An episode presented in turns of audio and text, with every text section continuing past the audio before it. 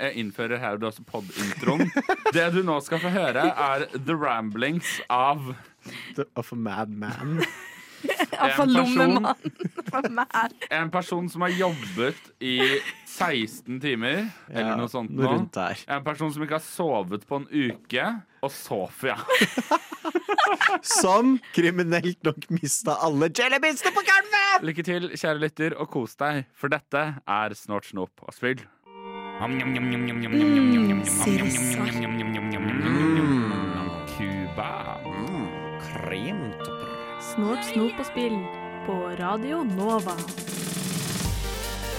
Ja da, det er lørdag, klokka er 11, og da er Snålt, snop og spill selvfølgelig på plass her på Radio Nova for å fylle ørene dine med deilig spillprat og selvfølgelig god musikk de neste to timene. Min navn er Stian, men jeg sitter her ikke alene. Med meg i studio har jeg Sofia. Og en mann med bart. mann med bart, aka Sander. Det er meg. Hei. jeg For du har grodd ut bart, eh, Sander. Jeg har ikke grodd ut bart, jeg har bare tatt resten av skjegget. Du har tatt- Ja, ikke sant? Mm, det er Er det en sånn mye vårstemning? Det er egentlig fordi at jeg føler at jeg er i ferd med å embrace min indre Jimmy Hendrix. Det er bare liksom, noen ting som fortsatt mangler. Blant annet at jeg ikke går i flagrende skjorter. Spennende. Mm. Eh, heldigvis for deg, kjære lytter, skal vi ikke prate om bart eh, de neste to timene. Men vi skal mer om prate om eh, hvor dritt spillindustrien er! Eh, som begynner å bli et veldig alvorlig problem. Og så skal vi også snakke om hvor dritt Jeff Keeley er.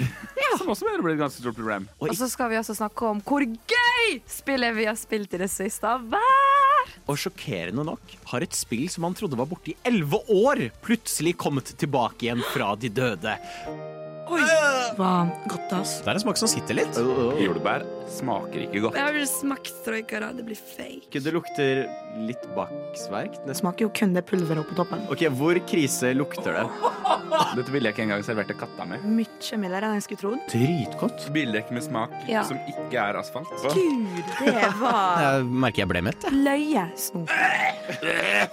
er lyden jeg kommer til å lage i dag. Så jeg kan love deg. Ok, vi, eh, Stor takk til nyhetsprogrammet her på Radio Nova, Studentnyhetene, som tok turen til Berlin og kjøpte med snålt snop til oss. Sjaura til dere, vi har ikke behandlet det riktig. Um, som uh, Og det er vann oppi esken nå, det er spennende. Kan ikke Sofie få lov til å fortelle hva som skjedde? Nei, først har jeg lyst til å fortelle hva dette er. Det er en eske med jellybean Bean Boozled. Eh, som noen som har hørt på liveshowet vi hadde på eh, studio, Ja. kanskje kjenner igjen fra da jeg og Sander spiste veldig mye ekstremt sterke jellybeans. Men nå er det ikke sånne som er ekstremt sterke. Nå skal de bare smake dritt istedenfor, og det Ja. er jo fun. Vi snakker spy, eh, buse, råttent egg, eller kanskje bursdagskake, fersken og noe godt. Dette er jo altså de jelly jellybeansene dere har sett på YouTube i 2016. Overalt. Bean Boozled Challenge. Vi er Ja. YouTube i 2016. Ja! Jeg tør å si min. vi er verre. For dette jævelskapet jeg sitter foran, med, med, foran meg her nå, Sofia, Ja. det er jo noe annet enn vanlig Bean Boozled. For hva har du prestert å gjøre? Eh, nei, vi var jo på kjøkkenet, da. Og så skulle vi bare finne litt vann til dette her. Kanskje litt papir, kanskje litt te. Kaffe. Eh, kaffe, ja, det er jo tidlig, sant. Og så skal jeg ta tak i den boksen, da. Og den er jo åpen. Ikke bare er han åpen, men han glir av som en bare en boks du ikke har lukka. Som en, som en, som en giftringboks, som en termos som ikke er skrudd fast. Som et eller annet jævelskap som bare faller ned. Og ikke bare faller hele boksen med jellybeans ned på gulvet på kjøkkenet på Radio Nova. Eh, jeg vet ikke når de vasker den. Kanskje aldri. Aldri. Aldri. Men også så faller alle bønnene ut av boksen. Hver eneste en. Jeg eh, tør å påstå at hvis du hadde stikket et høl på maracas og helt ut alt innholdet utover et steingulv, er det lyden du hadde fått. Eh, som er lyden vi opplevde. Overalt. Eh, og jeg er sånn. Ja ja, da mista vi eh, ukas nåle. Nei da, sier dere to. Det er bare å plukke opp bønnene fra gulvet! Og, Og legge de, Og vaske de! Du vet, bønne som går i oppløsning i vann! Så nå sitter vi her. Altså, oppriktig, og ingen, så, ingen stoppet tankegangen min, for jeg tenkte å, de var veldig sånn eh, glatte, de, så de går ikke opp i vann, tenkte jeg. Nå når du ser på de, de ser ut som rosiner. De har størkna, de er steinharde. Og jeg tuller ikke, det lukter så jævlig fra den bollen her. Det er helt grusomt. Eh, men vi har en spinner. Eh, Jeg har et forslag inn i rommet. Og du har et forslag inn i rommet? Eh, At du ikke skal eh, delta? Nei, nei, nei, Nei, altså, nei, dette er så enkelt. Mm. Eh, du har sørget for at vi har jelly beans. Å, fy faen, det lukter så Jeg har ikke mistet dem i gulvet. Så får jeg smaker. Eh, Enig. Skal vi se. OK, Sofia, du går først. Oh my god, jeg har aldri gjort dette før. Eh, det går fint. En, det er en hvit, så det er buttered popcorn eller rotten egg. Er det sånn at jeg ikke skal spinne sjøl? Vær så god. Eh, denne gangen. Ja. Er dette, Eh, er dette en hvit, denne her? Ja. Eller, eller skal det ikke være sånn prikker på? nei, det er, ikke- tenk prikker. Det er borte når vi vaska dem. De gikk bort i vasken. Eh, stor takk igjen til Studentnyhetene som har gitt oss dette. Veldig, veldig Vi beklager for at vi ikke behandler eiendelene deres. Ja. Å, jeg er livredd. Å, herregud, det ser jo helt jævlig ut. Hvis hun er nå for buttered popcorn, da slutter jeg snart å spill. Skal jeg, er det bare liksom å tygge? Ja. OK. Åh, redd. Ok. Ah, ah, Det er som å ta medisin. Som å ta Paracet. OK, én, to, ja, la oss si det. Paracet må ligge på gulvet en stund. Popkorn. Faen! Takk okay. for meg. Det har vært hyggelig. Eh, takk for laget. Å, det var dritdigg. eh. Hvor lenge har vi vært her? Halvannet og et godt år? Ha det. Det var dritgodt. Okay. nei, nå fikk jeg en hvit en nå. Helvete. Da er sjansen større nå for at jeg får noe jævelskap. Sander, Sander, Sander, kom tilbake. Sander, kom tilbake. Du, kan få, du kan få Hvis jeg får en Jeg kan, jeg kan jævlig Du kan eh, oppleve at jeg får noe jævlig Jeg gleder meg. koselig. For dere som ikke vet, så er vi tomme for s- okay. på Nova. Uh, Så vi spiser med en pølsetype. Oi. Hva fikk han? Ah, Den er på jakken din! Den ligger på jakken din. samme som deg. Oh, ja, samme som meg, Sander. Mm. Uh -oh. Var det egg? Jeg har Ah. lyst til å kaste opp. Å nei! Å nei. Oi, da var stikket Øh. fullt. Da går vi til litt musikk. Uh, Vi rater dette her som vanlig i slutten av sendinga. nei, Nei, nei. nei, nei, nei, nei. det her går fint, for det er uansett hva det kommer til å smake. Det er enten Enten birthday cake eller Birthday dirt, cake. dirty dishwater. Du mener det de, Hvilken farge? det de bare snakker på? Hvilken Stian Henriksen, gi meg en farge. Stian har alltid Eh, søppelbøtta. Hvit, den òg, med prikker på. Med prikker Hvit på. med prikker på. Å, fy faen, det var faktisk helt grusomt! Mm, den Du smakte er kake. Mm. Mm, jeg er så, jeg er så, jeg er så Du har papir her. Skal jeg spise smakte den papiret? oppvaskvann? Jeg vet Hva er ikke. planen? OK, gi, gi meg en til. Jeg vil føler at de bønnene, Redemption. De bønnene kan- kommer til å smake oppvaskvann uansett hvor jeg har vasket. Sofia skal også få den til. Jeg bare nevner det. Åh. Mm. Hva farge, Sofia, har du lyst til å gå først? Hva farge var det? Eh, eh, l- l- sånn eh, fersken. Eller? Fersken. Eller? Det er den litt oransje. Litt Fersken. oransje. Fersken. Eller kan vi, kan vi Denne fe- her. Enten så smaker den fersken, eller Sofia, Ja. så skal du få lov til å Ja, den, ja. hva den Den, ja. smaker. Den, ja. ja. Den. Er du sikker? ja bomsikker, jeg. Aldri vært mer sikker i hele mitt liv. Mm, fersken. Mm, fersken. Fersken. Nei! Hva faen?! Ja, det var enten fersken eller spy, da, så det er jo hyggelig å høre at du fikk fersken. Nå Men skal jeg kose jeg- meg med enten pomegranate eller old bandage. Gjett hva jeg kommer til å få. OK, OK, kjør på, Stian. Jeg vil ikke. OK, spinner en for Sander. Åh, og jeg fikk old bander. Nei, den skal ikke klippe. Skal gå. Hvordan, uh, hvordan I, hvilken farge skal jeg ha? uh, Grønn. Grønn. Og den smaker enten jeg kommer. Grønn er enten juicy pear eller booger. Snørr.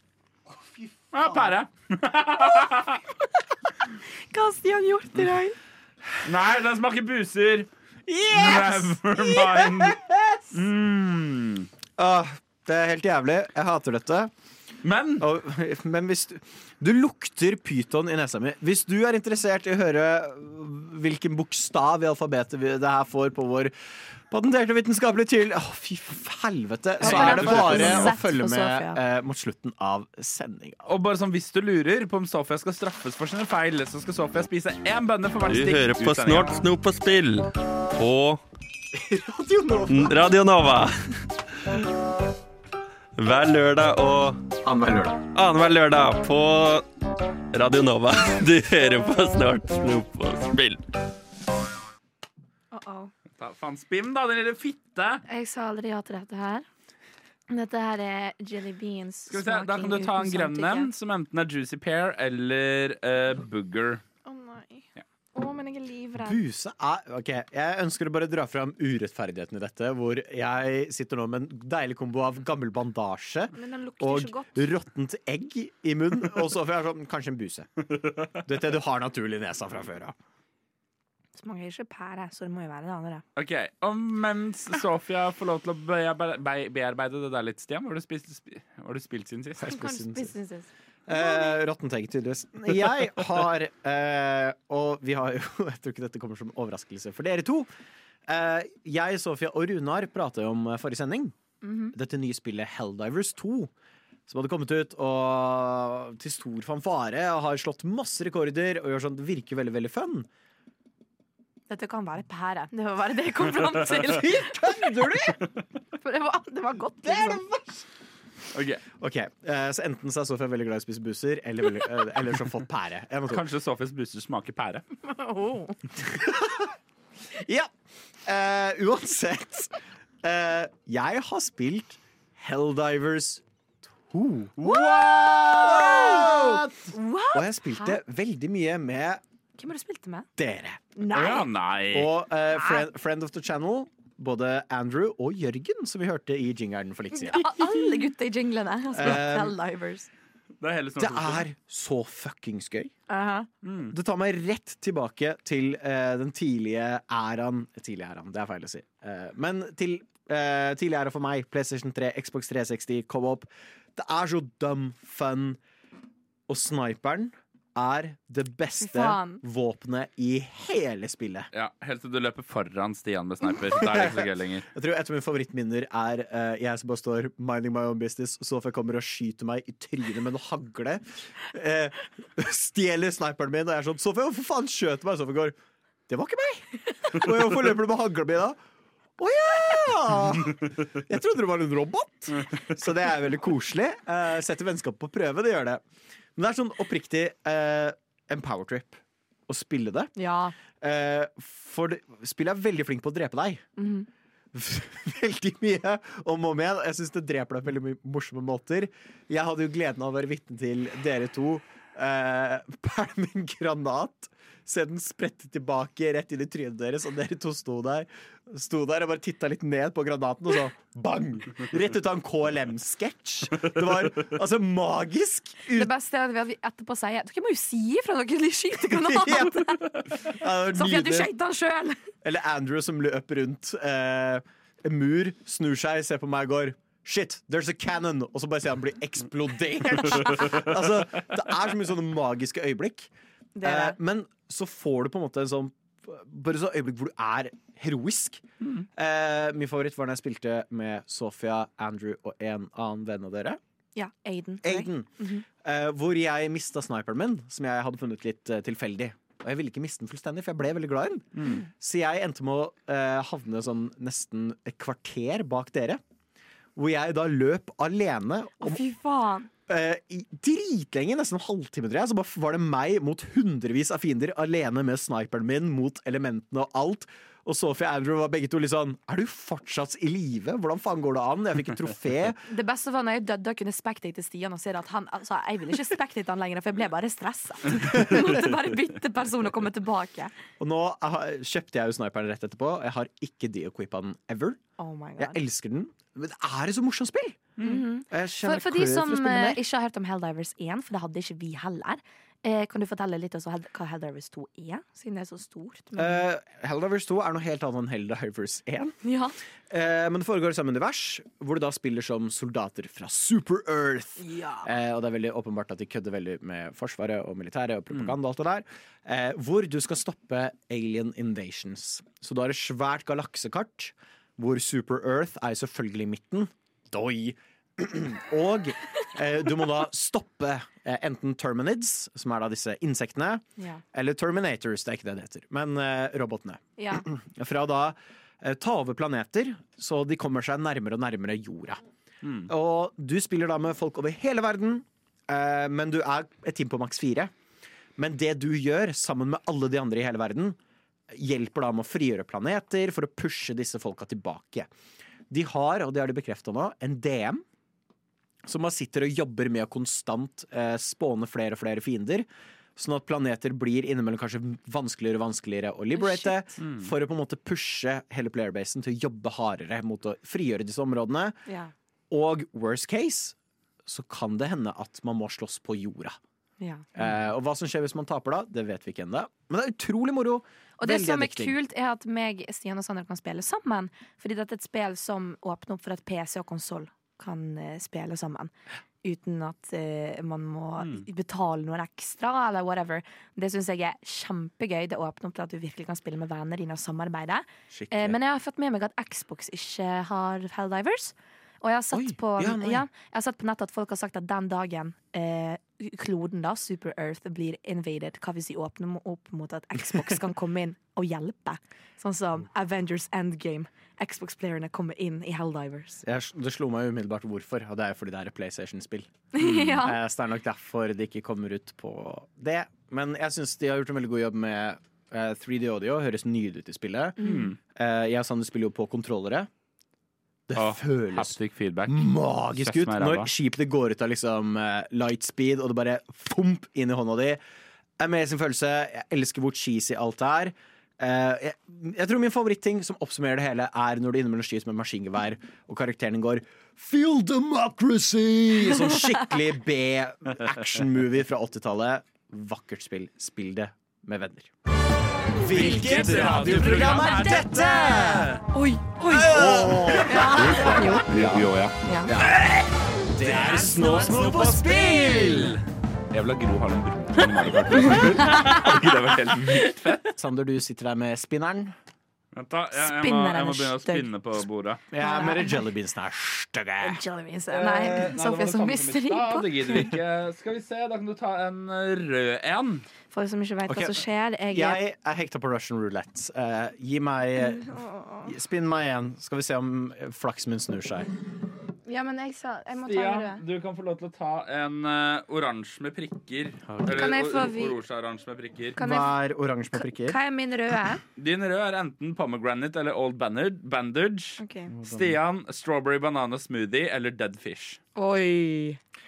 Det blir jo bare verre. Vi spiser jellybeans bare som alle vet. Jeg må ta igjen hvert stikk, for jeg må i bakken. Ja. Og Stian har hatt det livet sitt. Ok. Nei, nei. Ja! Ja! Yes! Hva var min? Min var uh, strawberry banana milkshake eller uh, dead fish. Det er jævlig hatt i munnen. Jeg tror ikke den var noen av delene. Nei, da har du sikkert tatt en annen. Det er ikke noe. Spennende. Øh. Hva syns du den smakte Jo, selv? jo, OK. Jeg fikk en god en! Jeg bare skjønner ikke hvordan hjernen greier å assosiere at dette smaker plaster. Jeg har aldri spist plaster før. Ja, er ikke det rart? Oh my god. Nå føler jeg vi, vi bonder over det faktumet at uh, vi begge to nå har smakt på gammel plaster. Øh. Og mens du koser deg med det, Sofie, så må vi høre hva Hva har du spilt siden sist, Sander? Jo, altså eh, dette, har jeg, jeg har vært borte et par uker uh, fordi livet skjer og sånn. Men mens jeg har vært borte, så har altså det som er uh, vel en av de største, en av de mest kjente, definitivt en av de eldste ongoing eh, SMP-serverne, altså single, nei, eh, survival multiplayer Minecraft-serverne, Hermitcraft, Ja! har kommet tilbake i sin tiende sesong. Ja! Og det er som om hver gang det kommer tilbake, kommer jeg på at spillet Minecraft eksisterer. ja, Så du kommer ikke på det hver gang vi sier det? Nei. Hver sending? Nei, nei, det er ikke kun engang. Det er hver gang det er ny sesong, så er jeg sånn Å, faen, det spillet finnes. Det er helt sykt. Eh, så jeg har klokka inn eh, gode eh, mm, antall timer i det spillet. eh, Men hva, hvordan spiller du da? På uh, Survival. survival Jeg spiller min egen survival-verden Deilig. På på, PC? på PC. Ja. på Bedrock Edition! Pocket Edition! Så han sitter på iPaden sin og spiller Minecraft. Men Hva, hva eh, har du gjort i verden din, da? Uh, jeg har uh, tatt alle bossene, uh, skaffet meg Elytra og masse raketter. Driver nå og bygger en kjempestor fabrikk med en automatisk creeper farm og en automatisk sugarcane farm som jeg gjorde ferdig i dag etter jobb. Du Ok, vet, så mm, der- Antall timer. Vi snakker tresifra minst, ja. Vi snakker også, Han har kommet inn i den der fasen. Den der to ukers, tre ukers. Ja, ja. Altså, jeg er jo nå inne i endgame, og det er jo, jeg syns jo Minecraft egentlig er best i endgamet. Jeg synes jo liksom, Ja, det er noe gøy med liksom Du Litt kommer til en ny verden, du skal liksom begynne å bygge det opp og ikke snakke om superhelter. Uh, bygge det opp og liksom skaffe deg selv en sånn nydelig verden. Uh, det er gøy, men det er først når du liksom begynner å få gear og kan begynne å bygge da kjempestore farms og jævlig Ja. svære baser og sånn, det er da det begynner å bli gøy, syns jeg, da Ja. personlig. Eh, så jeg er dypt inne i Minecraft-gamet for tiden. Så driver jeg og leker litt med tre andre småspill på sida. Jeg skal ikke si så veldig mye om dem, fordi vi skal snakke litt om dem både senere i denne sendinga og eh, garantert neste uke.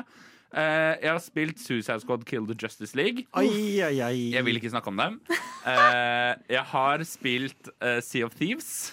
Oh. Jeg vil ikke snakke om det heller. Eh, jeg har spilt eh, Prince of Persia Sands of Time. Eller Lost Crown, eller hva det heter. Ja. Mm, Ja, nei, Lost Crown. Ja. Men, ja. Nei, du kan få snakke ferdig med det først. Eh, det er heroin rett inn i øyeeplet mitt. Jeg fuckings elsker det. Oi.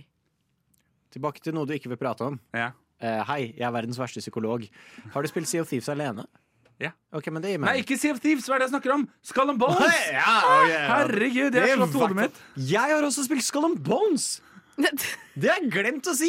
Og Det suger! vil du høre enda mer om hva jeg og Stian synes om Skull and Bones, kan du få med deg Skull and Bones-spesialen vår. Den kommer aldri til å komme, for det skjer ikke at jeg kommer til å bruke lengre tid på å lage en spesialepisode om Skull and Bones enn det Ubisoft har brukt på å lage det jævla Jeg vil kjapt presisere, jeg har spilt betaen. Jeg nekter å betale 1000 kroner for det spillet. Ja, jeg har det inkludert i Ubisoft Pluss. Takk Gud. Takk Gud. Pluss. Pluss. Pluss. Pluss? Plus. Minus? Minus og minus er pluss? Eh, jeg har også spilt eh, til Sofias eh, store glede et av de beste spillene noen gang laget av menneskeheten. Five Nights at Freddy's. Altså, fuck dette. Å ja! Nei, hvorfor Herregud. Eh, skal vi fortelle om hva vi har fått i Fortnite? Ja! Eh, vi eh, Dette, hadde- dette er ikke en spalte. Velkommen til spalten Hva har vi fått i Fortnite? Hva har Stian og Du, Sander eh, fått i Sofia? Fortnite siden Du ser på en som har fått en legendarisk emote, eh, for vi har vunnet en crowned meg. Ultimate er Victory Royale. Royale. -hmm. Det vil si, drep en som har en krone fra før av, og vinn hele jævla sulamitten. Mm. Vant jeg fordi jeg pælma den tørret og, og lå der på bakken sjøl? Muligens. Men det er ikke poenget! Jeg har en emote for å bevise min Har dere- crown victory royale. Har dere flest timer i Helldivers eller Fortnite? Eh, Fortnite. Jeg har 100% flest timer i Fortnite. Har du flere timer i Minecraft eller Fortnite? Siden sist, eller ever i livet mitt? Siden sist. Eh, 100 Minecraft. Okay. Jeg har lyst til å uh, svare på det med å sitere den ene politikeren. Uh, ingen uh, kommentar. Men eh, Sofia, det går fint, for jeg har også kjøpt Bat- Battle Pass. Unnskyld, hvilken uke er det? Uh, vet ikke. Vet du hvilken uke det er? Eh, jeg har ikke peiling. Sorry, men jeg må faktisk vite hvilken uke det er. Det er oddetallsuke. Shit, da må jeg jo høre på Snålt snop på spill annenhver lørdag alle oddetallsuker fra 11 til 1 på Radio Nova. Vi spinner på hjulet! Å nei. Sofia, du kan ta en som er Oi. Nå har jeg Eh, fått en dårlig en allerede. Må jeg ta det hver gang? eh, er det en der som er lys rosa? Eh, ja. det, ja, å ja. ja. En sånn koral lysrosa. Ja Hva er den? Den er eh, Tutti Frutti Å nei. Eller stinkende sokker. Å nei. Apropos, mine selsokker er nå døde. Rest in peace. Vil du at jeg skal spinne for deg, Stian? Uh, nei, jeg tar det samme som Sofia. Oh, så får vi se hvem som tar sånn skikkelig The Russian roulette. Skal jeg også hive Tok meg du inn i den dette? eller? knæsj rosa, denne her. Den som korallrosa. Den må være lysere. Ja. Og mens dere driver og finner ut av det, Sofia, så kan vi bare unne oss en liten jingle. Altså, fuck dette her! Jeg orker ikke. Jeg har spilt et spill siden sist som heter, Nei, eh, som heter Møkkete sokker, møkkete Ah. sokker. Ok. Ja, Tutti Frutti! Mm, møkkete sokker. Det er som å smake klesvaska. Mhm. Så hva har du, hva har du spilt siden sist? du klesvaska di? Få dere en på en eller annen måte? Og dette er gammel fisk. Jeg har tatt feil. Trenger du litt mer tid til å hente deg, Sofia, så kan vi ordne det.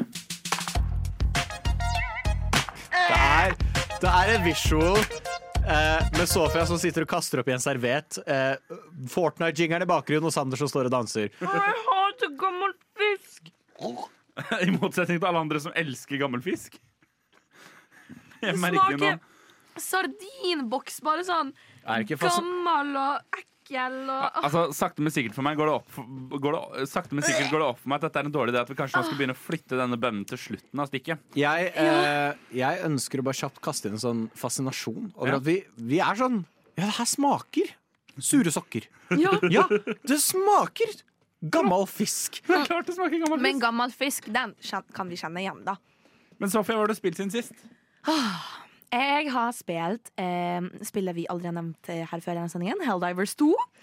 Eh, eh, nå har jo Stian tidligere forklart veldig fint, for jeg har spilt sammen som sagt eh, tidligere med Stian og Sander. Vi har hoppet på Helldivers 2-wagon, og det er kjempegøy. Og jeg må også si, ærlig innrømme at jeg pisset på dette spillet før jeg kjøpte det sjøl. Eh, For, så for hvem sine penger igjen? Eh, ja, jeg fikk, jeg fikk en liten sponsor, da. En liten Hunger Games-sponsor. Eh, men jeg betalte også en del sjøl. Um, uansett, uansett. Alt for å spille med Snålsson på spillegjengen. Eh, men jeg var en som var veldig i, ø, sjokkert og lei av at eh, skytespill blir så superpopulære med en gang. Fordi eh, Jeg vet ikke. Kanskje det er bare fordi jeg er dårlig på å skyte spill. Så, så jeg syns det er irriterende. Men eh, også jeg føler at sånn OK, hvor er originaliteten i dette? Men fy faen, dette det, det er lenge siden jeg har hatt ti timer i et spill. Det skal sies. Um, og vi har spilt det så, så mye, så lenge. Fem timer om gangen når vi har spilt. Det er så gøy. Og så synes jo, Jeg syns jo det er i, i veldig herlig og forfriskende. Jeg gikk jo glipp av den ene spillesessionen deres fordi søvn eksisterer, men um, Gjør det?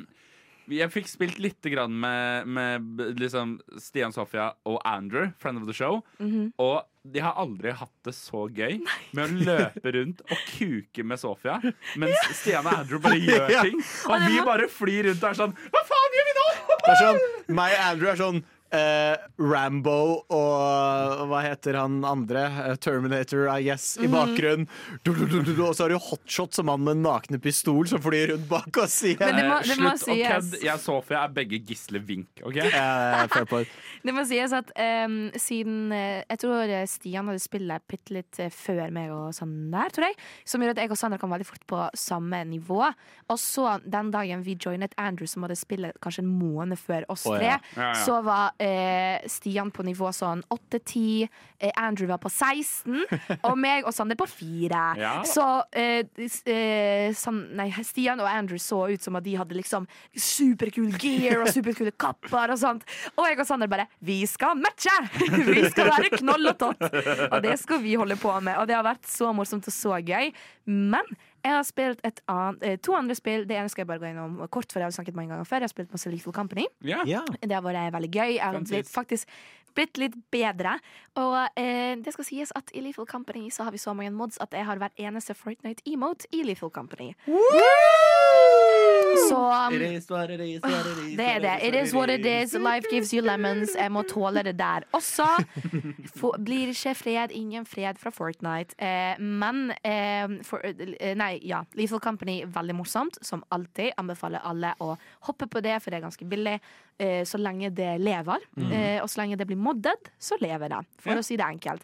Men jeg har også oppdaget det, et annet spill som har vært veldig mye oppe i luften, veldig hit. Eh, og spill og spill altså Det er jo egentlig et spill, men det er en nettleser.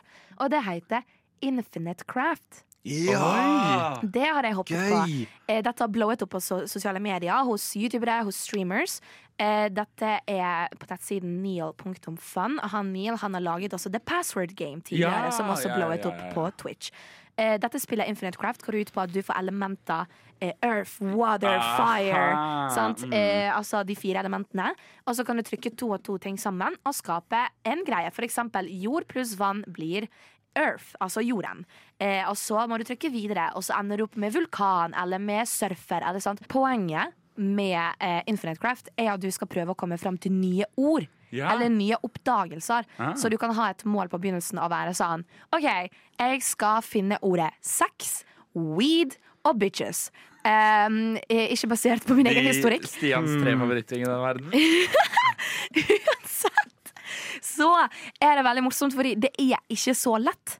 Jeg har prøvd å sitte, jeg har prøvd å få radio, jeg har prøvd å få ting. Jeg har klart å få Egypt. Jeg har klart å få Mummi.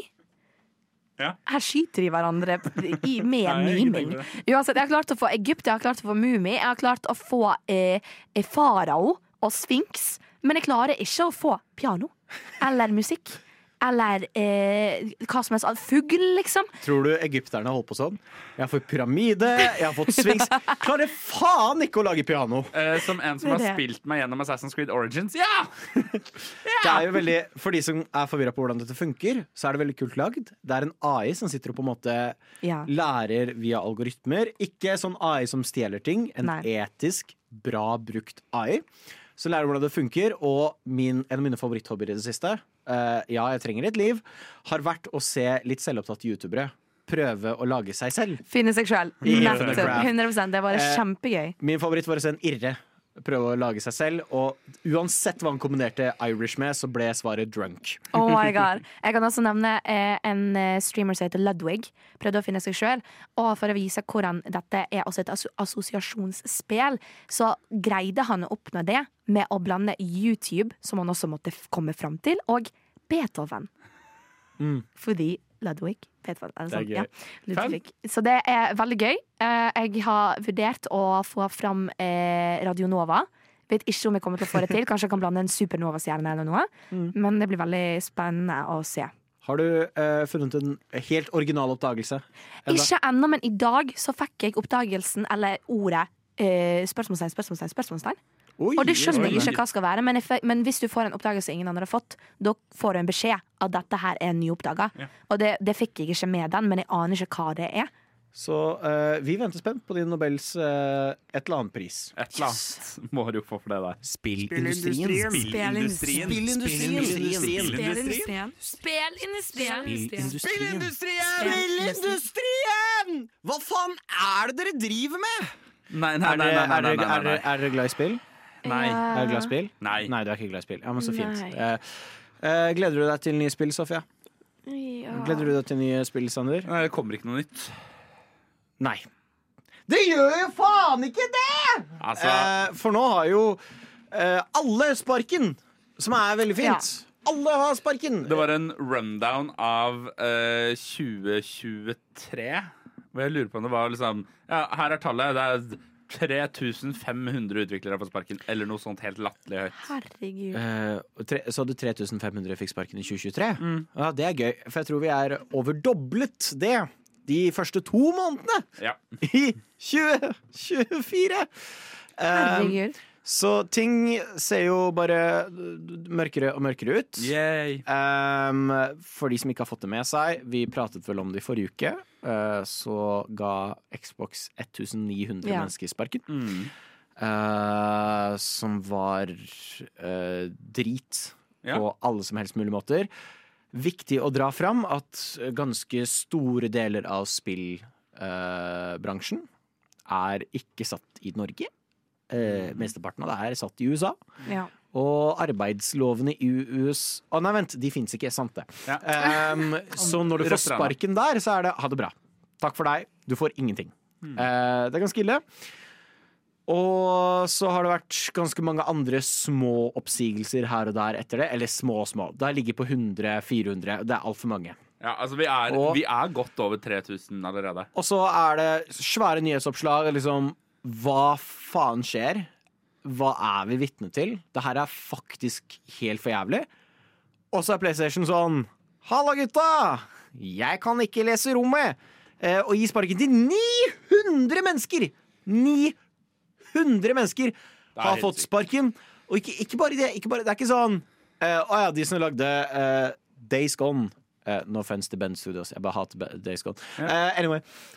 Nei, nei, nei, det er ikke, det er ikke liksom å, noen av spillene som ikke gjorde det så bra. Nei, vi snakker Gorilla. Folka bak Horizon. Vi Ja. Vi snakker Insomniac, folka bak Ratchet Clank, Spiderman 2, som har satt salgsrekorder, by the way. Vi snakker Naughty Dog. Har mistet flere av sine ansatte! Og selv om de nå har gått ut Og dette er, altså, dette er ikke kutt som bare rammer i USA, dette rammer over hele kloden. Gorilla, som du nevner, satt i Nederland, eksempel, har jo fått et ganske greit uh, kutt. Og så er det en ting til som er veldig deilig, for du ser på lista, så ser du sånn Å ja, men Santa Monica Studios, de har ikke mista noen. Men det betyr ikke at de ikke kan gjøre det! For PlayStation Nei. er sånn OK, dette er studioene så, hvor folk må kuttes nå. Men, eh, vi ser ikke bort fra at vi ikke må kutte Men slapp steder. Altså. av, dere, for det er jo en silver lining. Jim Ryan, eh, president av eh, PlayStation Sony Interactive Entertainment, går av. Får med seg en heftig ha det bra-pakke med, med penger, for å si det sånn, som sikkert garantert hadde kunnet gitt alle disse folka lønn i ganske mange tider fremover. Eh, men han går i hvert fall av. Og det her fortsetter rett etter Sony. Og det er en ny runde med artikler, det er kjempekrise. Så kommer EA ut fra steinen de har vært under. er Sånn. Jepp, på tide å gi 450 folk sparken. Sånn, OK, kult. Ja, jeg blir ikke mer Jo, jo. Og det har eh, konsekvent vært hver dag siden da PlayStation gjorde dette. Nye runder med tonnevis av folk som får sparken. Eh, såpass ille nå at Toys for Bob, eh, som kanskje ikke er så kjent for mange, de har lagd de nyeste Crash Bandicut-spillene. De lagde remaken av Spyro-spillene. Og etter det har blitt tvunget av Activision til å bare lage masse greier for Call of Duty. Du vet selskapet Toys for Bob, som lagde Skylanders, har sittet og blitt eh, tvunget til å lage Call of Duty. Har nå faktisk brutt seg ut av kontrakten sin, og har nå gått indie-studio. Fordi det er nå tryggere for dem å være et indie-studio. Det vil si, de, er, de har ikke ekstern pengestøtte. Herregud. De må bare satse på at det går fint. Det er tryggere enn å være eid av et svært selskap som kan gi dem penge, penger og liksom hjelpe de underveis. Det er der vi har havnet med trippel A-industrien nå. Og nå må vi nå må vi begynne å snakke om dette. Vi må begynne å snakke om det på en annen måte. Fordi vi går ut av 2023. Over 3000 utviklere mista jobben i 2023, som er the fuckings beste året for spillindustrien fuckings ever, basically. Og hva, hva kommer dette av? Folk spekulerer, og eh, de, det, er en, eh, det er en som jobber i et selskap som ansetter Altså som på en måte eh, hjelper gamedevelopere inn i jobb, som sier sånn Ja, nei, jeg tror kanskje grunnen til dette her er inflasjon. Og så handler det litt grann om ganske høye markedstall for neste år. De har satt, sagt, satt satsen ganske høyt. Og så handler det rett og slett om at spillåret ikke var så bra som det man sier. Nei. Nei, nei, nei, nei, nei. Nå må vi se på fuckings lederlønningene. I, Ja. Hva er det dere driver med?! Det som er viktig å dra fram, eh, som er et ord jeg har unngått å bruke, som, men som blir brukt veldig mye av både proffe folk og uproffe folk, som er da at Oi, ser vi et nytt krasj i spillindustrien? Som mange vet, så krasja spillindustrien på 80-tallet. Eh, og man trodde kanskje ikke spill kom til å dukke opp igjen før Nintendo kom og sånn. Halla, hørte om Mario, eller? Eh, men dette er ikke krasj. Og det er veldig viktig å få fram. Ja. Fordi eh, videospillindustrien har bare steget i Ja. verdi. Den steg med 4% i fjor. Så det er ikke det at pengene forsvinner. Nei, det er mer og mer penger i denne potten. Eh, artig nok tjener de på topp, som, gjør, eh, som lager nullspill. Tjener mer og mer og mer. Vi ser flere og flere store studioer kjøpe opp små studioer, for så bare kansellere hva de lager, og gi alle sammen sparken. Eh, Supermassive Games, eh, de som står bak eh, Until Dawn, Ja. ja, de har gitt mange folk sparken nå. Og det er kjempekrise. Vi er i en ordentlig alvorlig situasjon, og noe må gjøres. 100 Det føles bare ut som at de som eh, er på toppen, da, er sånn Yo, folkens, her trenger vi jævlig gode spill. Veldig bra manus. OK, OK, vi har fått det. OK, la oss signere kontrakter med filmer. Ja. Det drar inn folk. Det drar inn en ny generasjon. Det drar inn nye eh, gamere. Alt mulig. OK, OK, ok, her sitter vi med masse penger. OK, ok, Men kan, nå kan dere gå. For nå har jeg fått pengene, så nå kan dere gå. Eh, så driter vi i dere som har laget dette spillet. Og så bare Ja, ja, ja. Og nå bare gleder jeg meg til de, kommer til å innse at dette er en jævlig stor tabbe. Fordi de kommer til å, som sagt, som dere sier på begynnelsen her, at de kommer til å gi ut noe mer. Altså, Vi er i ferd med å se en uh, fuckings triopolisering, eller hvordan du vil se det. Altså Et triopol danne seg i spillverden sterkere enn noensinne. Xbox er større enn noensinne. PlayStation har flere studioer under seg enn noensinne. Altså, Det er helt enorme, enorme giganter, og vi kan ikke lenger være sikre på det at de har oss som spillere og arbeiderne sine og kvalitetsproduktene de produserer, i forsetet lenger. Det er så enkelt som det.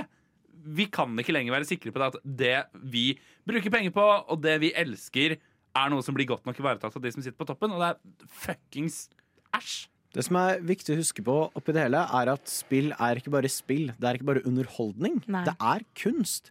Det er noe som krever hundretusenvis av timer å lage, sette sammen av et team som bryr seg om produktet de har lyst til å fortelle deg, om det så er en historie, om det er en opplevelse du vil du skal kjenne på. Spill er kunst, og da kan man ikke sitte og bedømme det som om det er oljefat.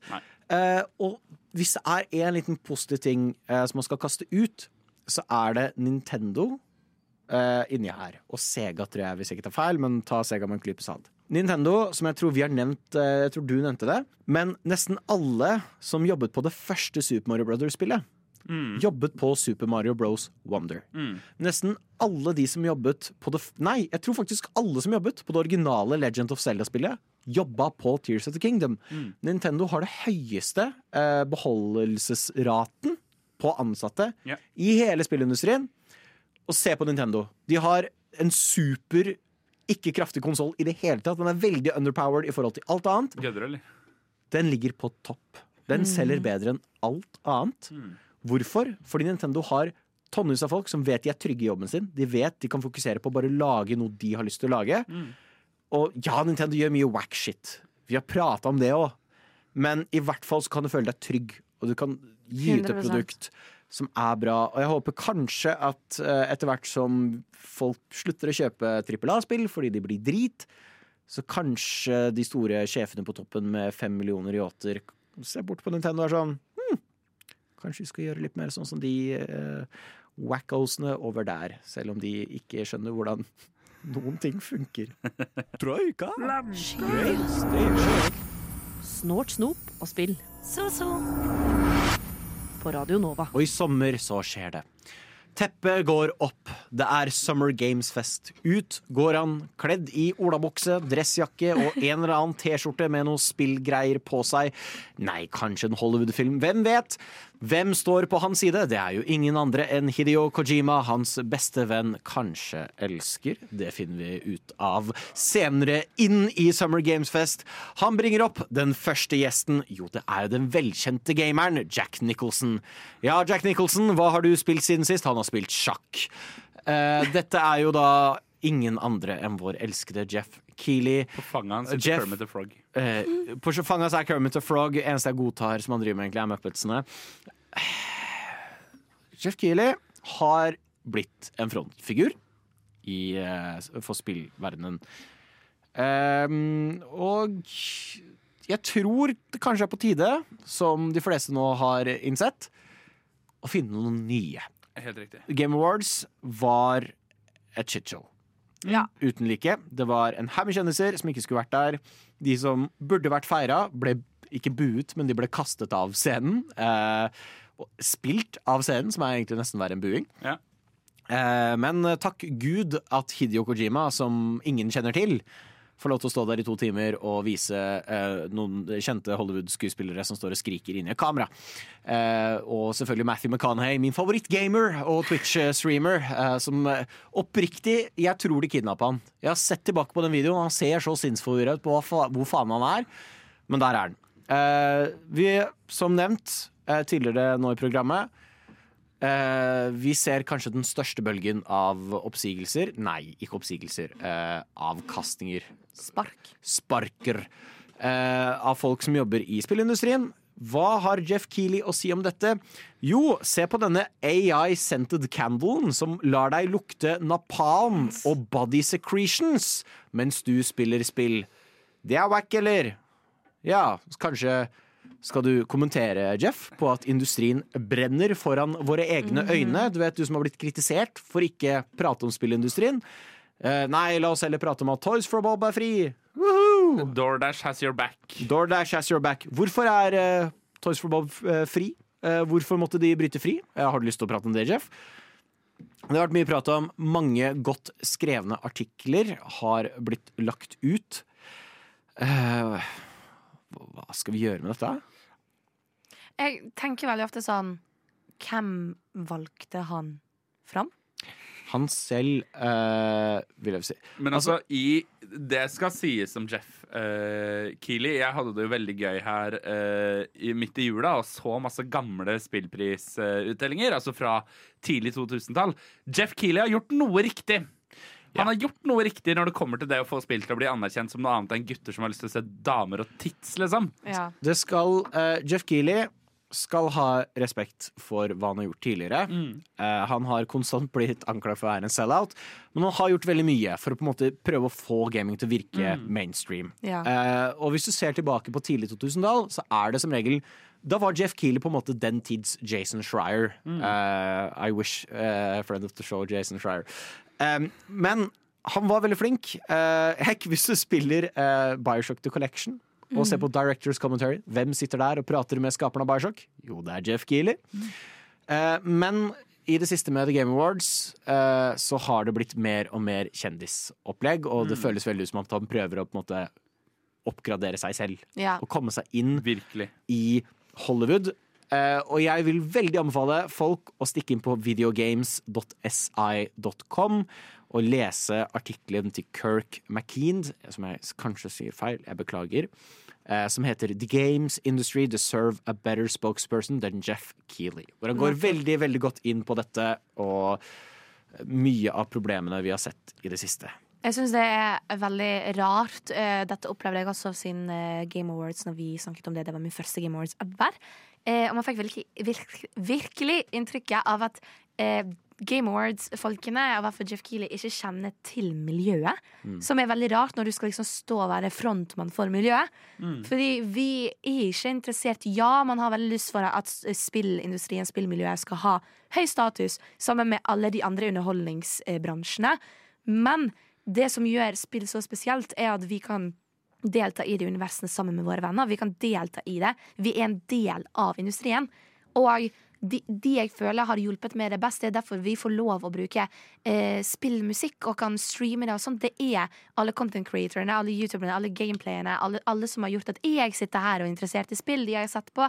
Og jeg skjønner ikke sånn, OK, kanskje vi ikke har lyst til å se alle influenserne på awardshows og sånn. Kanskje vi er litt lei av influensere. Men hvis det er noen influensere du skal bruke, så syns jeg det er gaminginfluensere. Altså ta inn streamerne, ta inn miljøene, få de på. Jeg håper han eh, tar til seg kritikken og blir bedre på det. Kanskje vi skal finne en annen talsperson. Det er i hvert fall flaut når Gonzo the Muppet eh, står ved siden av deg på scenen og er en bedre talsperson for eh, the gaming community enn deg selv. Og ikke minst for mer taletid enn de som vant årets spill. Og tjo hei, der har det jaggu meg gått en time tross død fisk, sure sokker og hva enn annen faenskap vi har putta i munnen. Jeg syns jeg skal ta én siste. Eh, ja, jeg har skjønt det. Én siste. Nå? nå? Ja, no? du kan ta den nå. Hva er dette? Den er gul. Eh, det er enten buttered popcorn eller rotten eggs. Å, det er denne igjen, ja. Men Sofia smaker på det, så skal vi også besøke Eller ta en tur innom The Streamer Awards. Hvilke streamers har dukket av med hvilke priser? Ja, det skal du få høre litt mer om. Jeg har dykket dypt inn i et spill fra min barn... Æsj, æsj! Jeg tror vi kan trygt si det var eh, råtne egg. Enig. Jeg har dykket dypt inn i et spill fra min barndom, og litt av historien bak spillselskapet rundt det. Og jeg skal ta et oppgjør som kommer til å føre til at jeg kommer til å bli jagd ut av Oslo med høygafler i løpet av de neste fire timene. Meget spennende. Og tenk det, det er nesten så vi gikk hele TIS time 2 uten å kalle det den beryktede time 2, som starter her.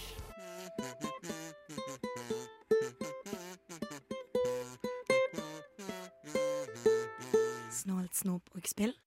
Sofia, det skjer spennende ting ute i medieverdenen. Det gjør det. Vi har masse eh, prisutdelinger som er ute og går. Og selvfølgelig er det også prisutdeling innenfor Streamer Awards. Og der har de delt ut kanskje den gjeveste prisen jeg vet om, som er eh, Best eh, Female or Marginalized Gender eh, Streamer. Yep. Som er eh, kanskje det sjukeste navnet jeg har sett på Sjukeste en faktisk navnet. Jeg er helt enig med deg.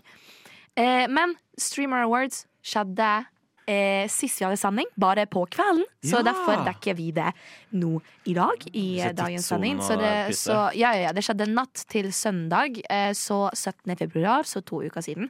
Eh, 17. og 18. februar. Eh, som alltid ble det hostet av QT Cinderella, streameren som eh, oppfant Streamer Awards. Og i år ble det co-hostet med Pokimane, som yeah. er eh, veldig legendarisk er streamer. Vi var to veldig, veldig flotte damer på scenen.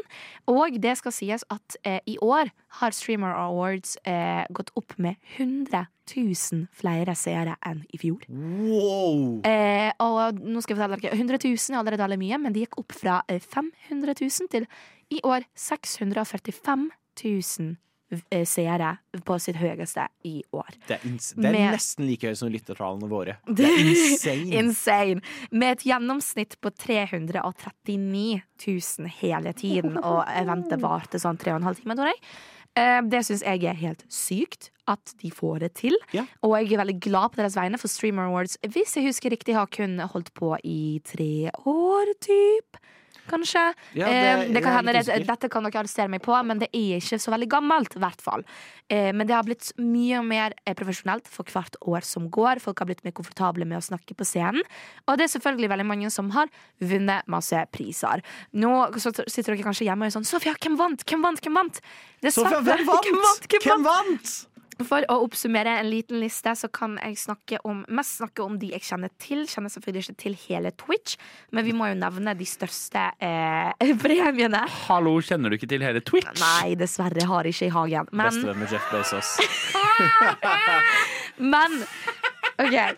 Eh, dere som er fan av disse folkene, det er bare å, hate på meg på Instagrammen vår. en Streamer of the Year gikk til Kai Sennet. Senat? Senat? Wow. Eh, gratulasjoner til han. Eh, jeg eh, har prøvd å søke opp hva de er innenfor, for dette er ikke, er ikke de streamerne jeg ser på. Men eh, han eh, holder på mest med just chatting. Så jeg, eh, og for de der ute som ikke vet, Streamer Awards, der blir du stemt på av fanbasen din. Ja. Er du kjent, har du en veldig veldig lojal fanbase, så kommer de til å stemme på deg. Det er sånn det er. Og det jeg har sett på Twitter som er litt fint, er at eh, fansen som blir lei seg for at streamerne deres ikke, eh, ikke vant, i stedet for å angripe de andre streamerne, så er det sånn Kom igjen, folkens! Til neste år! Da tar vi han! Hva, fuck deg! Du, du, du stemte ikke! Kom igjen! Altså, man, man skulle tenkt at amerikanerne er dårlige på å stemme, men disse her Twitter-fanbasene, om de får med seg at du ikke votet, da er du out, altså. Da er du out. Det er Gamer, bra å ansette den før høstens valg, er det ikke det? Ja. Gamer of the Year gikk til Jinxi Jinxi? Jin, Jinxi. Um, eh, han har spilt uh, mest uh, Rainbow Six Siege, uh, Ah, så jeg antar at det er det miljøet der som jeg heller ikke er så har god kjennskap til. Det, det sa du som en politiker. Det miljøet der. Jeg antar det er det Ja, jeg, spiller ikke, jeg spiller ikke Rainbow, så jeg aner ikke. Men så kommer vi til den awarden som eh, Stian snakket om, altså Sapphire Award, som også var kalt for eh, Best Female, eller whatever gender you are. Nei, nei, marginalized gender. Det var det. det du sier, er en bedre tittel. Ja. Poenget mitt er bare at det høres så krise. Jeg syns det de Jeg går ser hva de prøver en, for, ja, men de, Du får en. A for effort, men det er veldig rart fortsatt. Eh, men Sapphire, ja, for så vidt er det veldig fint sagt, da. Den gikk til Valkyrie. Valkyrie ser jeg på selv. Hun gikk jo over til YouTube. Eh, flott, flott dame. Men de jeg kjenner til, eh, var at eh, Best Variety Streamer gikk til Case O. Eh, og Best Streamed Event gikk til Ludwig. Best Streamed Series til Austin Show. Og denne her må nevnes. Eh, for, eh, ja, Best International Streamer til Quackity, som startet et QSMP, en eh, microserver som går over flere språk og har en translation system real life. Og Best Microstreamer gikk også til Quackity, som jeg syns er veldig godt gjort. eh, for han startet en veldig fin microstream. Nei, SMP, mener jeg.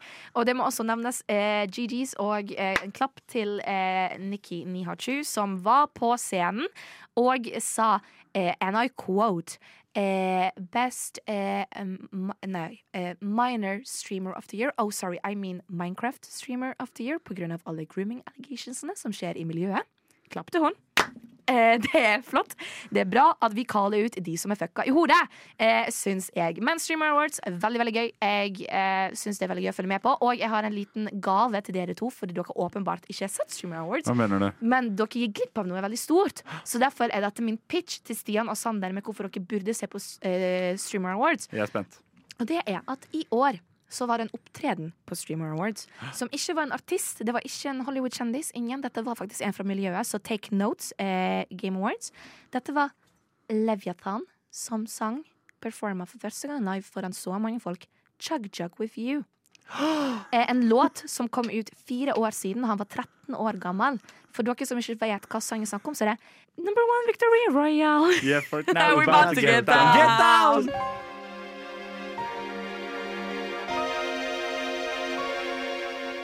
Året er 2010, og spillselskapet Gamefreak står overfor et veiskille.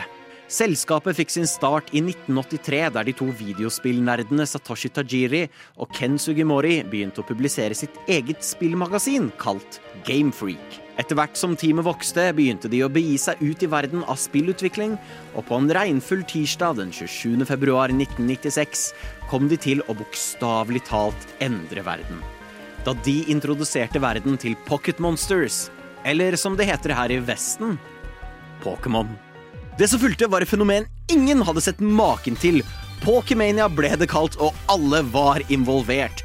Videospill vokste fort til kortspill, seminarer, TV-serier, filmer, musikaler, avisripper. Kirken ble involvert. Til slutt måtte paven gå ut og prate om Pokémon. Hvor enn du så, var det en eller annen form for Pokémon-merch. Dette var blåst ut av proporsjoner, men på starten av 2000-tallet roet folk seg ned, og Pokémon sluttet å være den giganten det en gang var. Fanbasen til Pokémon vokste opp, og mot slutten av 2000-tallet ønsket Gamefreak selv å gjøre noe annet. På toppen av det hele var den nye håndholdte konsollen til Nintendo på vei, der fokuset var 3D-spill, en dimensjon Gamefreak kunne særdeles lite om. De har alltid foretrukket 2D og pixel art. Men eh, før den nye konsollen kommer, skal Gamefreak lage en generasjon til med 2D-Pokémon. For mange av skaperne som har vært med fra dag én, er dette siste gang de er fullstendig med å lage alt i et Pokémon-spill. Ettersom de kan null og niks om 3D-spillutvikling. Ambisjonene er høye. De skal lage det definitive Pokémon-spillet. Og nå, 14 år senere, regnes det som Gamefreaks magnum opus. Pokémon Black and White.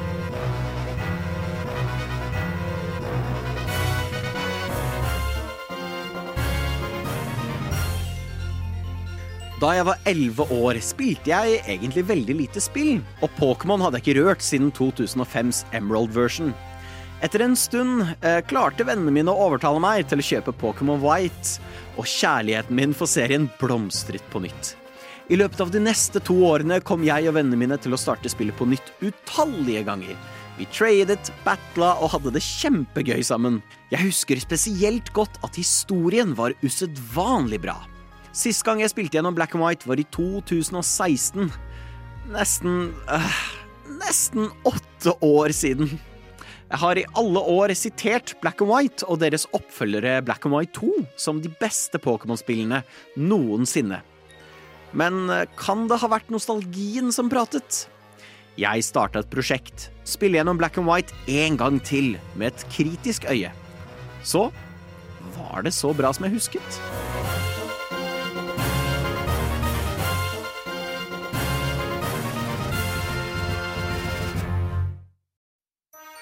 La oss starte med gameplayet. Gameplayet er eh, Pokémon. Ikke så mye å skjule på der.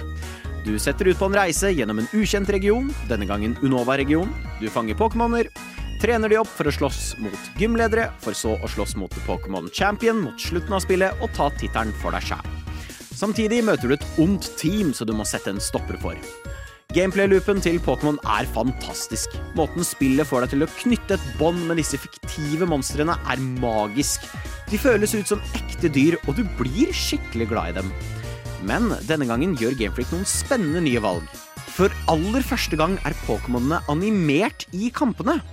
Der det før var en stille 2D pixel sprite, har vi nå bevegende 2D pixel sprites. Dette puster så mye nytt liv i alle lommemonstrene. Måten en Braviary flakser med vingene sine og trekker sammen klørne sine, Enzeb Strika pulser elektrisitet gjennom kroppen sin, Girders sjonglerer med stålbjelker Ja, alle 649 monstre er animert med flotte detaljer som skriker personlighet. Sammen med dette introduserer og Gamefreak mange nye streamlinede endringer i kampsystemene, som skaper et mer engasjerende battlesystem med enda mer rom for customization og strategier. Generasjon 5 introduserer òg det største antallet nye Pokémon noensinne, med hele 156 nye. Og kontroversielt nok gir det deg kun tilgang på de nye. Ja, i Unova-regionen kan du ikke lenger finne Pikachu, Pidgey, Hoothoot, Gengar og alle de andre gamle vennene dine. Her tvinger spillet deg til å teste ut helt nye Pokémon. Dette er nok det mest polariserende rundt disse spillene, men jeg elsker det! Mengden variasjon i alle generasjon 5-pokémonene gjør det så gøy å mikse og matche teammates for å finne ulike teamsammensetninger. Hver gang jeg spilte gjennom spillet, har jeg valgt forskjellige teams, og det er like gøy den dag i dag å teste ut andre kombinasjoner.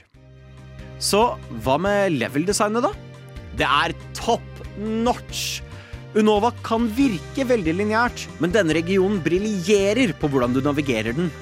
Ruter har flere skjulte veier, noen skjuler store nye områder med legendariske eller bra items, eller til og med hele skjulte landsbyer.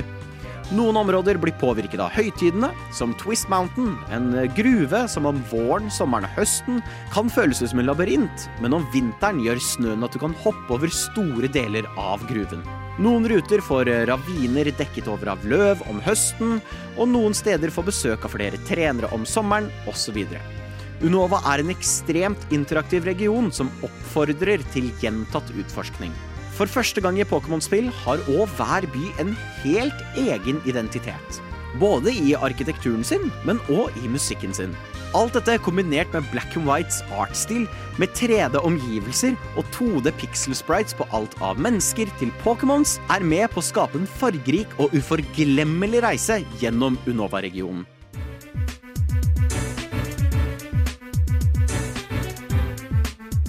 Gamefreak merket at aldersgruppen som spilte Pokémon, hadde endret seg.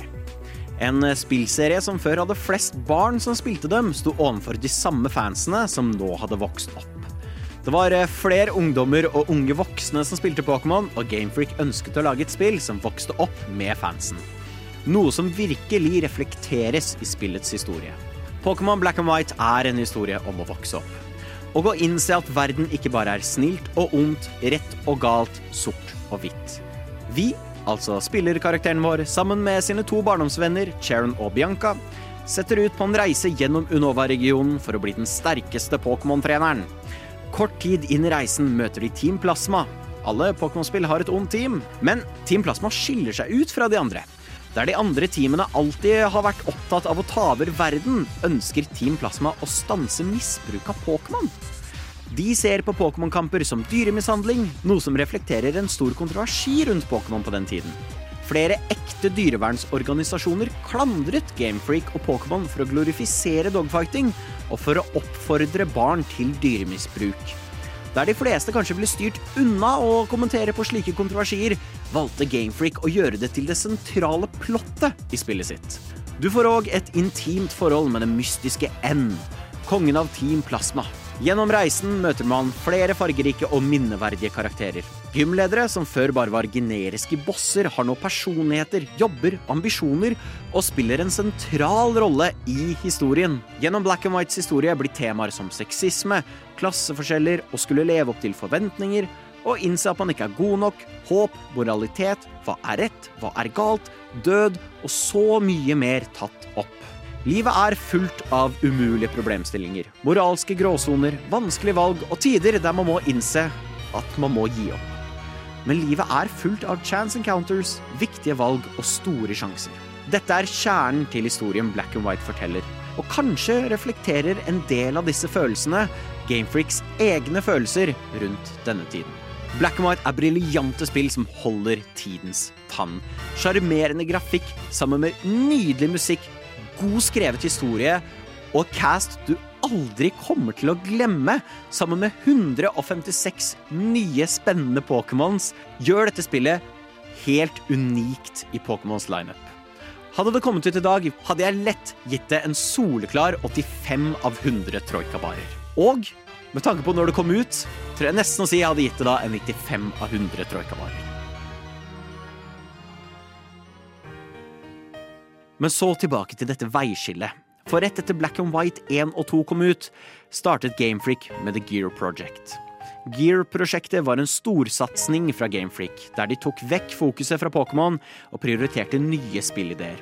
Dette var eh, så de kunne lage en ny serie som de kunne jobbe med fremover, istedenfor Pokémon. Dessverre har ikke historien om Gamefreak, Gear-prosjektet og Black and White en lykkelig slutt. Mer enn bittersøt en. Black and White ble ikke positivt mottatt når det kom ut. Majoriteten av kritikken gikk ut på at spillet gjorde for mange nye ting. Det var for mye historie, og at det var for voksent og vanskelig.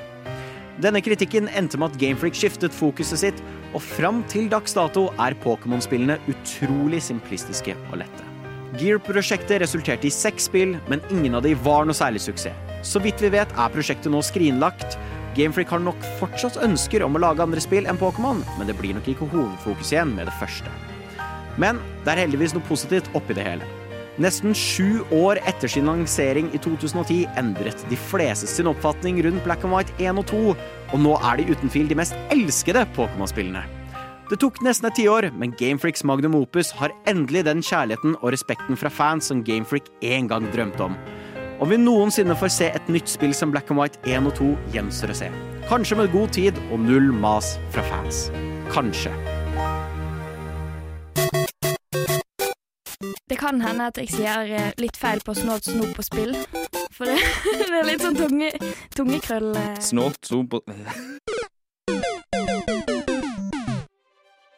Det har vært eh, store begivenheter på gang, dere. Tirsdag var det sjølveste Pokémon Day, Shit fritt. og de har vist et nytt Pokémon-spill! Og før alle nå er sånn Stian, din jævla hypocrite, sa ikke du at du ikke ønsket å se et nytt Pokémon-spill? Akkurat det jeg tenkte på. Ja. Ja. Det kommer! Ikke i Yes. år! Oi. De tar seg tid på å lage et spill. Wow. Istedenfor å bruke et halvt år på å lage spill, har de faktisk gitt seg til late 2025. Oi! Oi. Det er faktisk en stund.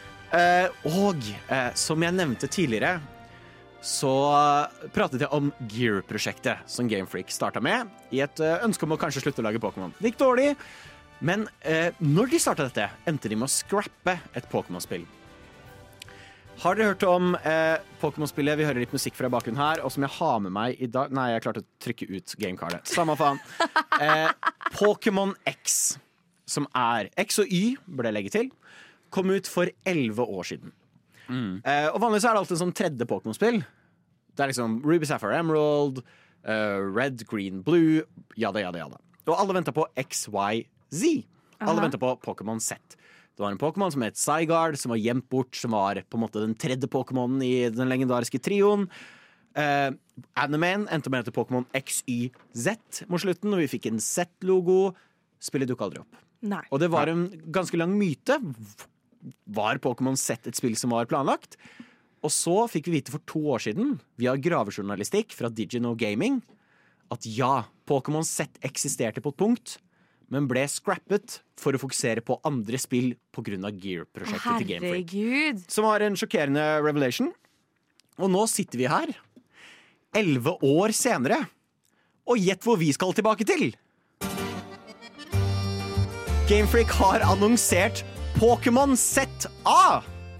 Vi skal tilbake til Kalos-regionen X og Y. Vi skal til Frankrike. Nærmere sagt, hele spillet er nå satt i Lumio City, Pokémons Paris. Eh, Det er i Legend-serien. Eh, Mange vil kanskje huske Legend Arceus, som foregikk tilbake i fortiden. Dette skal foregå i fortiden under oppbyggingen av Paris. Eh, nøyaktig hva plottet er, er vi litt usikker på.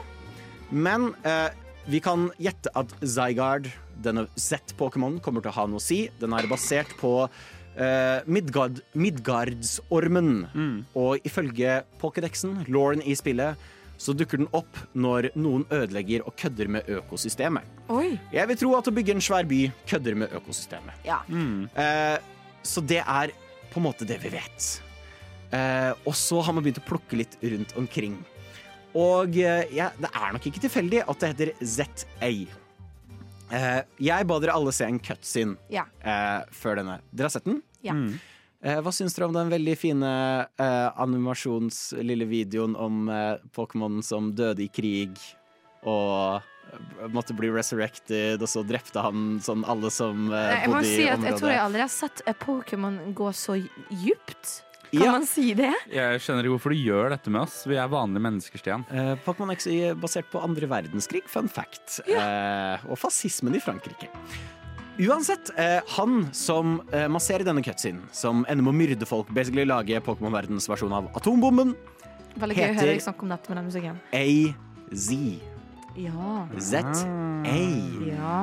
Eh, og A-en i logoen er formet som dette våpenet. I tillegg kan vi finne både blått og rødt. I en, hvis du zoomer dypt, dypt inn på denne bindestreken, er det blått og rødt, som er fargene på disse to andre legendariske. eh, Pokémon for liv og Pokémon for død. Og det er så mye spennende her. Vi vet så lite. Alt skal foregå inni denne ene byen. Hva, hva tror dere de kan finne på?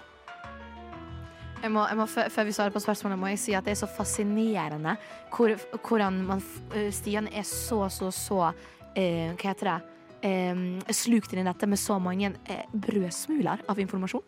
du kommer her sånn Wow, og dette og er fargen som man zoome helt inn, men vi vet så lite.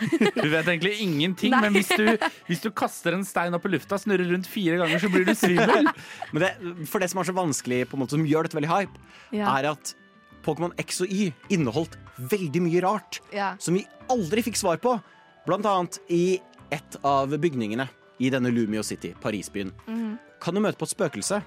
Lysene går av, hun hovrer over eh, liksom gulvet og bare sier nei, du er ikke den ene. Og forsvinner. Det har vi aldri fått en forklaring på. Ever. Og vi har bare måttet leve med at OK, det bare er casually et spøkelse som leter etter the one. Ja. Fine. Det er en svært powerplant eh, som vi aldri fikk lov til å gå inn i. Og det er så mye som X og Y hadde potensial på, som de aldri fikk levert på. Og nå, elleve år senere, har dette spillet bare gjenoppstått fra de døde. Men det syns jeg er dritfett Ja, det- at de gjør. Herregud. Og jeg ser bare Altså. Eh, altså, jeg vet bare hvor mye jeg går gjennom hvis for eksempel et band kommer tilbake, eller hvis et show blir, kommer på Disney Pluss, liksom, som er egentlig gammelt. Så jeg ser for meg at dette er dritfett. Og jeg husker eh, XY-serien. serien. Det husker jeg. Ja, ikke ikke spillet, men serien husker jeg.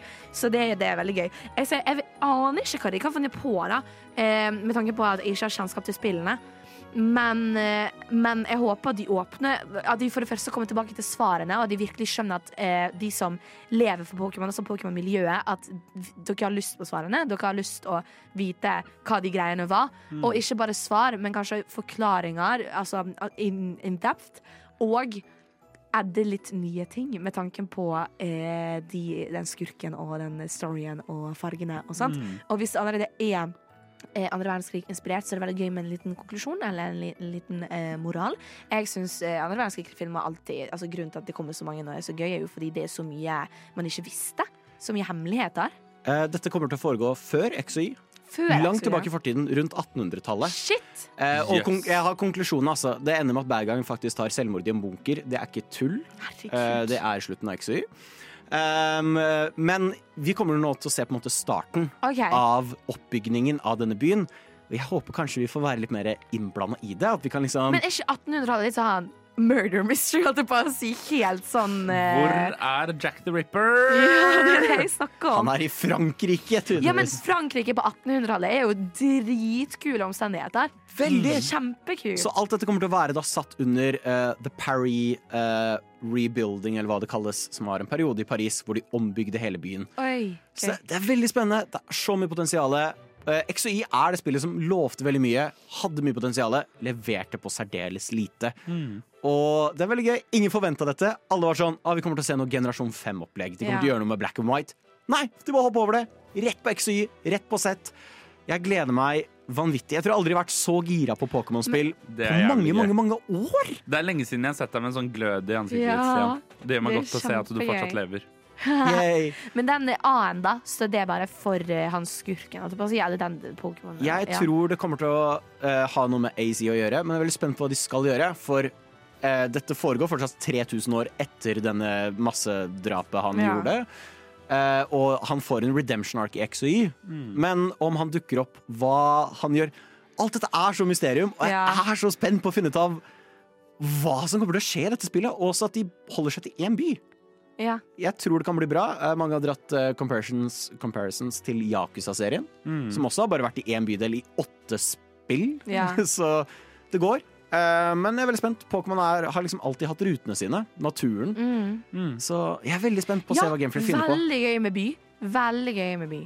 Så jeg eh, gleder meg eh, til sent 2025 og ta turen tilbake til yes. France Calos. Tune in to Snart Snart spiller. Something like that. We can also do that. I can do. I can. I can say like, wait, what am I listening to? and you can say, and then I can say, oh, when does this show go again? And then, you can say, you know how weeks have numbers, like the numbers. The odd number. The odd numbers. numbers. It's not even numbered weeks, but odd numbered weeks. Odd Like numbered week weeks. so one, every week other three. week from 11 a.m. There's too much for me to remember. to 1. Snart, snopp og spill. Yeah, that's Yes, perfect. That's amazing.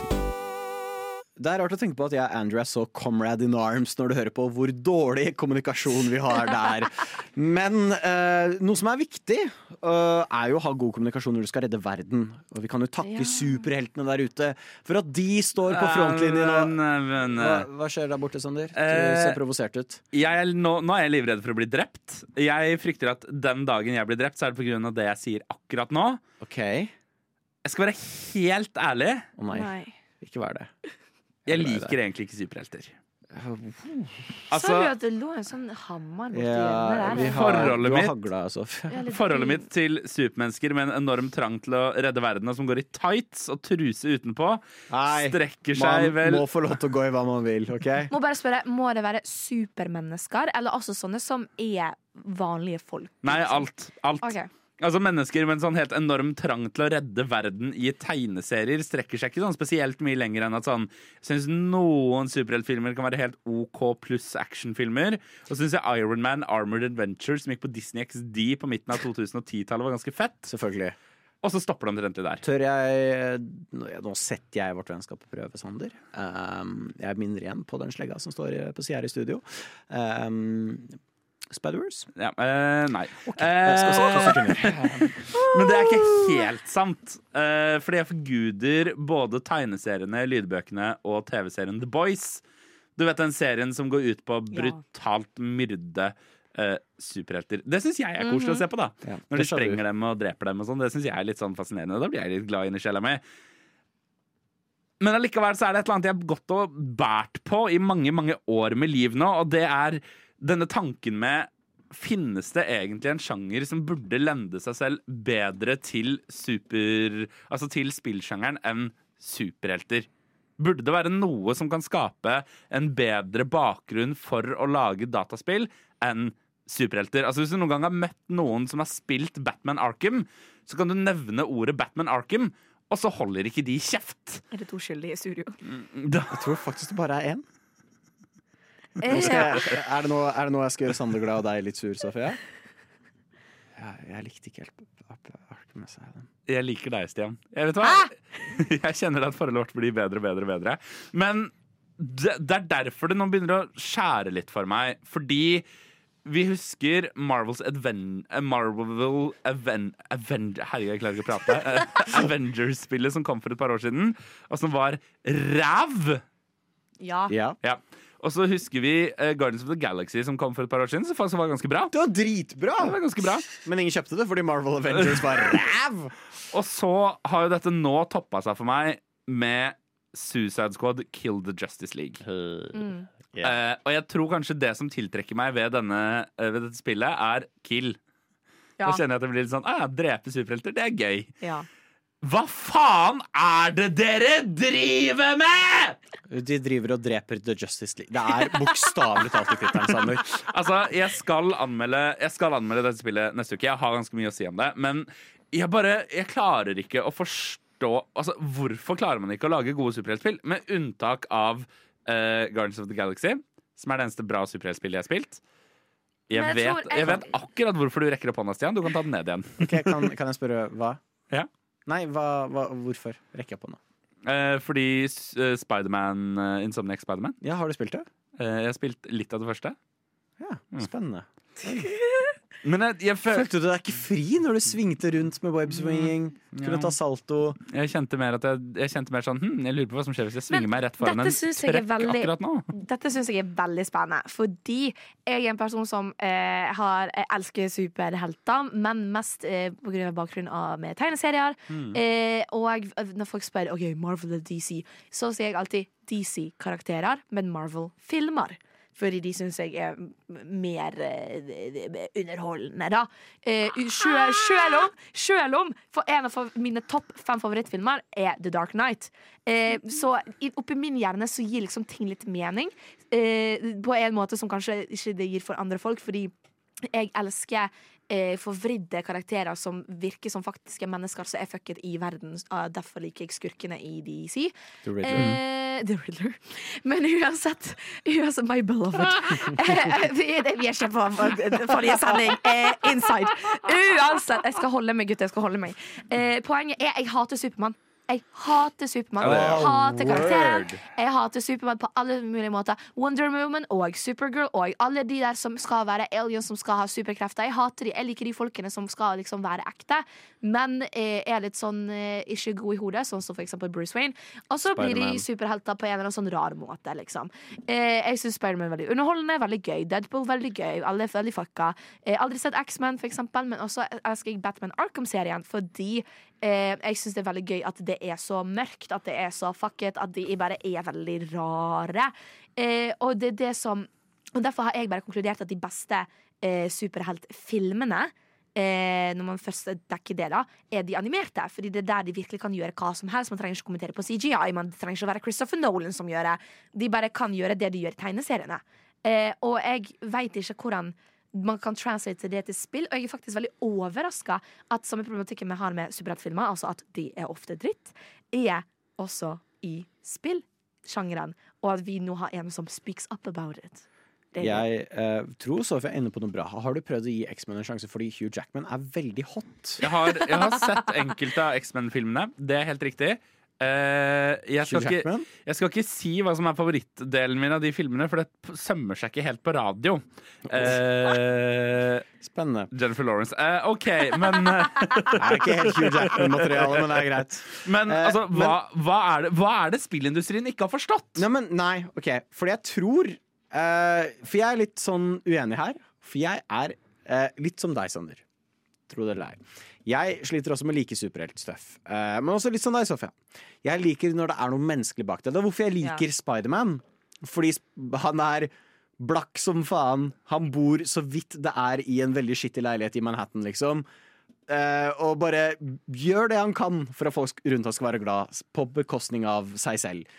Jeg, jeg liker når det er sånn personlige nivåer uh, som det. Og eh, jeg syns det er veldig fett når spill lar deg tre inn i rollen godt. Noen av mine favoritting med Spiderman-spillene var når du kunne bare eh, Jeg vet ikke om dere husker den scenen eh, hvor liksom Spiderman er opp ned og Ja. kysser Mary. Ja. Ja. Eh, du kan gjøre det i Spiderman-spillet. Eh, og mens du er opp ned, så kan du liksom eh, fyre opp fiender så de setter seg fast i taket. Og det bare er en sånn immersive og kul måte å føle at du eh, Og nå hater jeg det, for da sier han at du er Spiderman. Men det er veldig kult! Og de, de nailer den følelsen. Og det å bare kunne svinge rundt i byen, det er en sånn følelse av frihet som er veldig fett. Og Guardians of the Galaxy. Måten de fanger det øyeblikket når de kicker i sånn 80-talls popmusikk. Mm. Måten kan ha sånn group huddle, samler alle buddiesene dine, og det er sånn, ok, og så må du gjøre dialogvalg for å finne ut av hvordan kan jeg hype opp eh, buddiesene mine mest mulig. Og hvis du gjør det riktig, så begynner du å blæse noe skikkelig 80-talls rock, mens du bare får null cooldowns på alle abilities, og du bare går ham på fine Det er dritkult! Og jeg syns det er veldig fett hvordan du kan gjøre superheltspill. Eh, og jeg foretrekker ofte Nå har jeg ikke spilt alle superheltspill i hele verden, men jeg foretrekker eh, egentlig superhelthistorier fortalt i film. Spill! Spill! Format. Eh, Det Ops. sier Stian. Ja. Jeg breaka litt. Men eh, Det er tidlig. ja, jeg merker at um, Altså, ikke at man skal liksom Selvfølgelig, dette er jo ikke svaret på alt, men man merker at veldig ofte de filmene man liker best, er de første som kom ut, og så begynte liksom filmindustrien når det gjelder superhelter, å herme litt etter hverandre. I stedet for å prøve å være konkurrerende og skape noe nytt, så prøver de sånn Å ja, folk syns eh, Girls of the Galaxy var jævlig morsomt. Eh, og da skal vi som DC prøve å gjøre det samme. Oi, folk syns at eh, Deadpool var jævlig morsomt. Det skal vi også få til med Birds of Prey. Og så får de det rett og slett ikke til, sammen med Suicide Squad og sånt. Og så tror jeg at i stedet for å bare gå inn i tegneseriene og tenke å ja, de her skal faktisk være litt sånn freaks, og de skal bare drepe superhelter, la oss kjøre det. De er forstyrra, liksom. I stedet for å kjøre det, så prøver de seg på en eller annen komediegreie. De prøver seg på et eller annet hype, et eller annet. Og det, jeg tror, for meg så er det det som ødelegger både spillene og filmene og alle ad- adopsjoner som skjer av tegneserier, fordi de prøver å være noe annet. Og de prøver så hardt. Det blir veldig sånn try hard måte å nå ut til spillerne på. Nå ut til eh, the audience, da. Jeg vet. Det er IP-ene som er problemet. Sander henger seg opp i disse kjente karakterene. Han trenger noe originalt, noe spill-originalt. Sander, du må spille Saints Row 4. Snort, snop på spill annenhver lørdag fra 11 til 1 på Radio Nova.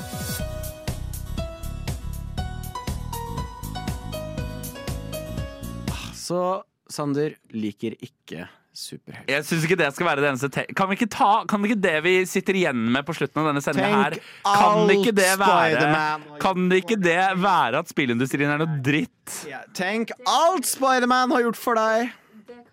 Det kan vi selvfølgelig snakke om, men også, nå er jo klokken straks ett, og det betyr at vi har så mye mer igjen av dagen i å snakke eh, i hop med Sander og om hvorfor Ja, skal vi se. Vi- to, jeg skal bare gå og hente slegga her borte. Oi, det får jeg ta etter eh, sending. Der var jaggu meg tida over for i dag. Oh. Men jeg Nei, har, nei, nei, på tross av kontroversielle meninger, kost meg veldig mye. Altså, jeg kjente det var deilig å være tilbake igjen til dere to. Så koselig å være tilbake. Kjempedeilig. Oh, vi har fått, eh, jeg har fått nøla en del om Pokémon. Kjempegira på neste Pokémon-spill som kommer. Pokémon ZA. Kjempegira på å spille mer Helldivers 2. Oh ja! Gjett hva vi skal etterpå i Kjempegira på brennende hovedkvarteret til alle store spillstudioer.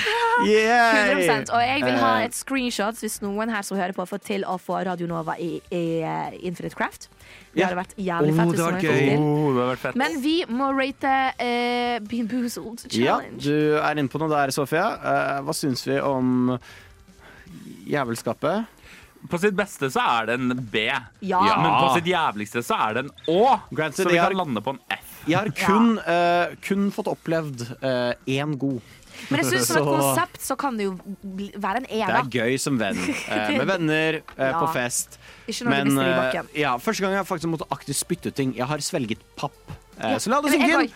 Det får en F fra oss. Finn oss på sosiale medier. Vårt navn er Snålsnop og Spill. Du Og ikke minst, ikke på Twitch. ikke Twitch, vi er banna. Sjekk oss ut på der du hører podkast. Ha det! Ha det! Vi har lagd podkast! På Altså- tross av eh, alle mulige naturkrefter som har prøvd å stoppe oss. Og romvesenet, så jeg tror prøver å kontakte Nei, Sofia, Radio Nova. Sofia, du må- Hør her, folkens. Jeg er sikker på at du får i deg én bønne med dårlig egg, og det har klikka helt. Ta av deg aluminiumsfolie! Hvem ga henne aluminiumsfolie?! Jeg har denne skeien over hodet mitt akkurat nå. Jeg er sikker på at Hvor fikk hun det fra?! de prøver å kontakte oss. Prøver å kontakte oss. Okay. De har sendt koder til Radio Nova-kvartalen med 256, som kan stå for bokstavene B, E, F, og Du det må kan man ta av deg den sølvfoliehatten, Sofia. Man kan dekrypte det. slo meg bare nå det at nå det. som sendinga er ferdig, så trenger ikke dere meg som tekniker. Altså har dere ingen grunn til å beholde meg i live, så jeg bare begynner å løpe. Å, for det var Og så poeng. ses vi på utsiden. For du skal si ja, noe. eh, hvis du bare Du vil si stå noe. der lite grann, Sånn. Sander, skal jeg bare Sånn hente den uh, Skal vi se den eh, Stian, Stian, ikke beveg på deg. Skal bare ha det, uh, det sverdet her. Skal vi se. Skal vi leke? Å ja, gjett om vi skal. Og jeg har min eh, vannkanon. Å nei! Splash! Tenk det at to av tre i denne gjengen her har enten erfaring, utdanning som eller jobbet som skuespiller. Det er sjukt. Hvem, Splash! hvem er det? Splash! Er Send oss en melding hvem du tror det er det på våre sosiale medier. Takk for podkast! Takk for podcast. Pass på rommet snart.